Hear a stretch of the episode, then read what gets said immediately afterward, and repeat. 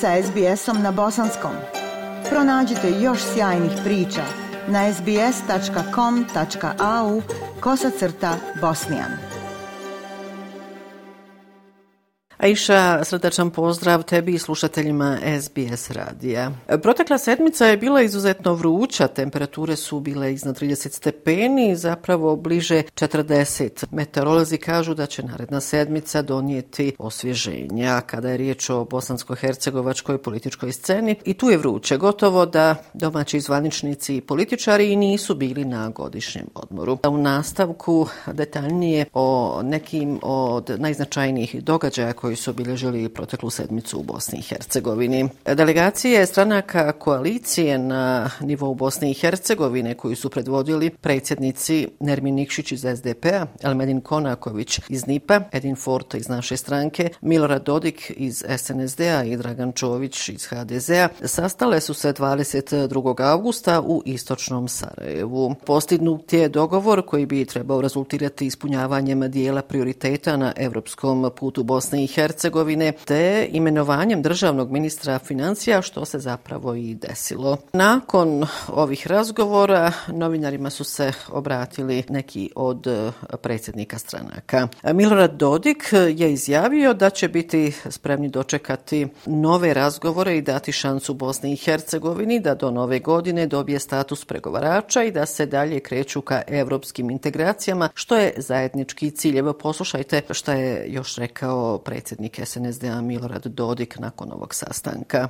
Dogovorili smo se da sutra e, na sjednici savjeta ministara bude rasmotreni potvrđeni prijedlozi zakona o sudu BH, izmene dopune i da se utvrdi novi zakon o vinu i zakon o strancima i da se to uputi predstavničkom dom parlamentarne skupštine koje će to potvrditi u narednih desetak dana, ne, da, ne duže od deset dana i jednako tako da se sve to kupa će biti potvrđeno na sjednici Doma naroda. Lider HDZ-a Bosne i Hercegovine Dragan Čović nije krio optimizam navodeći da bi trebale biti ispunjene sve obaveze koje Evropska unija stavlja pred eh, Bosnu i Hercegovinu na putu ka početku pregovora o članstvu. Poslušajte i Dragana Čovića.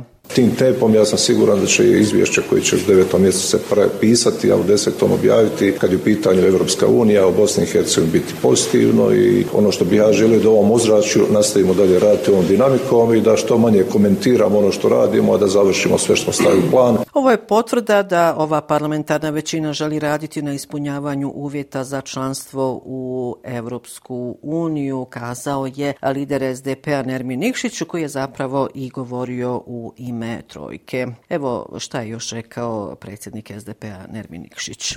Siguran sam da će to i naši partneri iz Brisela i iz Evropske unije prepoznati i da ćemo u narodnom periodu imati jedan zamah na tom putu. Evo kako, je, kako ste čuli također, ne završavamo s ovim, nastavljamo s ovom dinamikom praćenja onoga što smo dogovorili, kako smo ispoštovali, šta smo uradili. I upravo tog istog dana kada je postignut e, dogovor e, na hitnoj sjednici predstavničkog doma Parlamentarne skupštine Bosne i Hercegovine e, potvrđeno imenovanje ministra financija i trezora Bosne i Hercegovine Srđana Amidžića iz SNSD-a. Prema ranijem političkom dogovoru ova pozicija i pripala SNSD-u nakon odlaska Zorana Tegeltije. Inače, Centralna izborna komisija Bosne i Hercegovine utvrdila je prethodno nakon provjera da Amidžić ispunio ispunjava uvjete za kandidaturu za ministra financija i trezora. Zoran Tegeltija, nekadašnji ministar, 15. juna stupio je na dužnost direktora uprave za indirektno oporezivanje Bosne i Hercegovine. A imenovanje ministra financija nije naišlo na odobravanje od stranke demokratske akcije na ime kolegi SDA. Osudio je odluku trojke da podrškom izbora novog ministra financija i trezora Bosne i Hercegovine, nakon što su ranije podržali izbor SNSD-ovog direktora uprave za indirektno oporezivanje, isporuči toj stranci upravljanje financijskim sektorom Bosne i Hercegovine. U saopćenju kolegija SDA se ističe da je na taj način otvorena mogućnost da građani Federacije Bosne i Hercegovine financiraju budžetske deficite u entitetu Republike Srpske. Već 23. augusta zasjedalo je i vijeće ministara Bosne i Hercegovine i na toj sjednici utvrdilo i uputilo parlamentarnoj skupštini Bosne i Hercegovine na usvajanje po hitnom postupku prijedlog zakona o izmjenama i dopunama zakona o strancima sa oznakom EI, kojim se potvrđuje odgovarajuća usklađeno sa regulativom Evropske unije u oblasti migracija. Predsjedavajuća vijeća ministara Bosne i Hercegovine Borjana Krišta nakon sjednice je poručila da se nisu izjašnjavali o zakonu o sudovima Bosne i Hercegovine i zakonu o organizaciji tržišta vina. Od dva zakona se nismo usaglasili jer su se pred sjednicu pojavile nesuglasice tehničke prirode,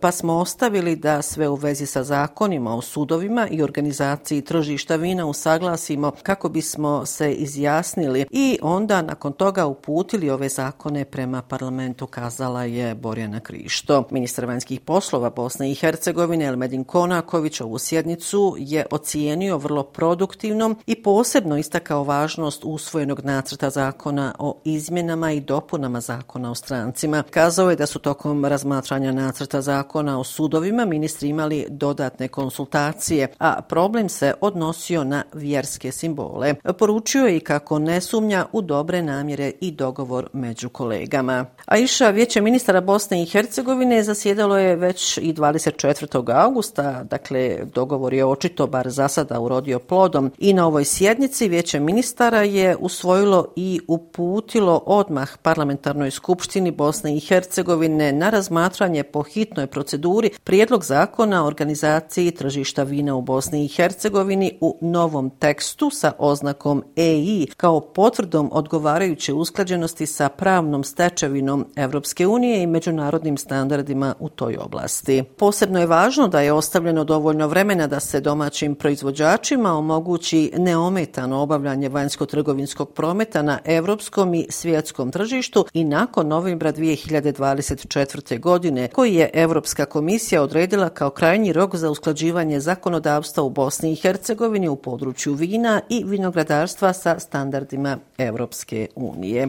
Moram reći Aisha da će naredne sedmice zasjedati najprije predstavnički dom Parlamentarne skupštine Bosne i Hercegovine, a zatim i dom naroda.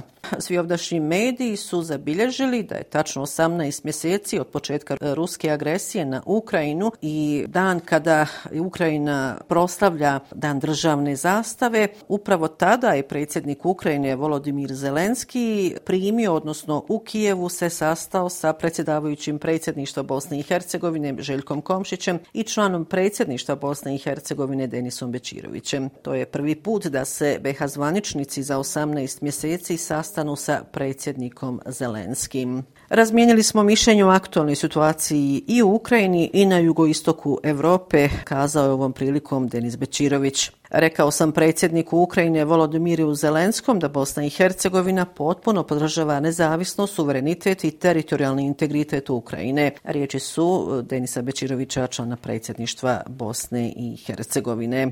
Predsjedavajući predsjedništvo Bosne i Hercegovine Željko Komšić je poručio da je posjeta Ukrajini izuzetno važna kako bi pokazali da najveći dio Bosne i Hercegovine od početka ruske agresije stoji uz pravednu borbu ukrajinskog naroda predvođenu predsjedništvom predsjednikom Zelenskim. Odmah je reagovao predsjednik Republike Srpske Milorad Dodik koji je izjavio kako su članovi predsjedništva Bosne i Hercegovine Denis Bečirović i Željko Komšić u Ukrajini iznijeli privatne stavove. Njih dvojica nisu imala legitimitet da govore ni o većinskom raspoloženju dva naroda, a kamoli cijele Bosne i Hercegovine. Oni su u Kijevu iznijeli privatne stavove po pitanju sukoba koji traju u toj zemlji, kazao je predsjednik Republike Srpske Milorad Dodik. Eto, iša ovom informacijom završavam ovo sedmično javljanje iz glavnog grada Bosne i Hercegovine. Još jednom vam srdačne i tople pozdrave iz Sarajeva šalje Semra Durajanović-Koso.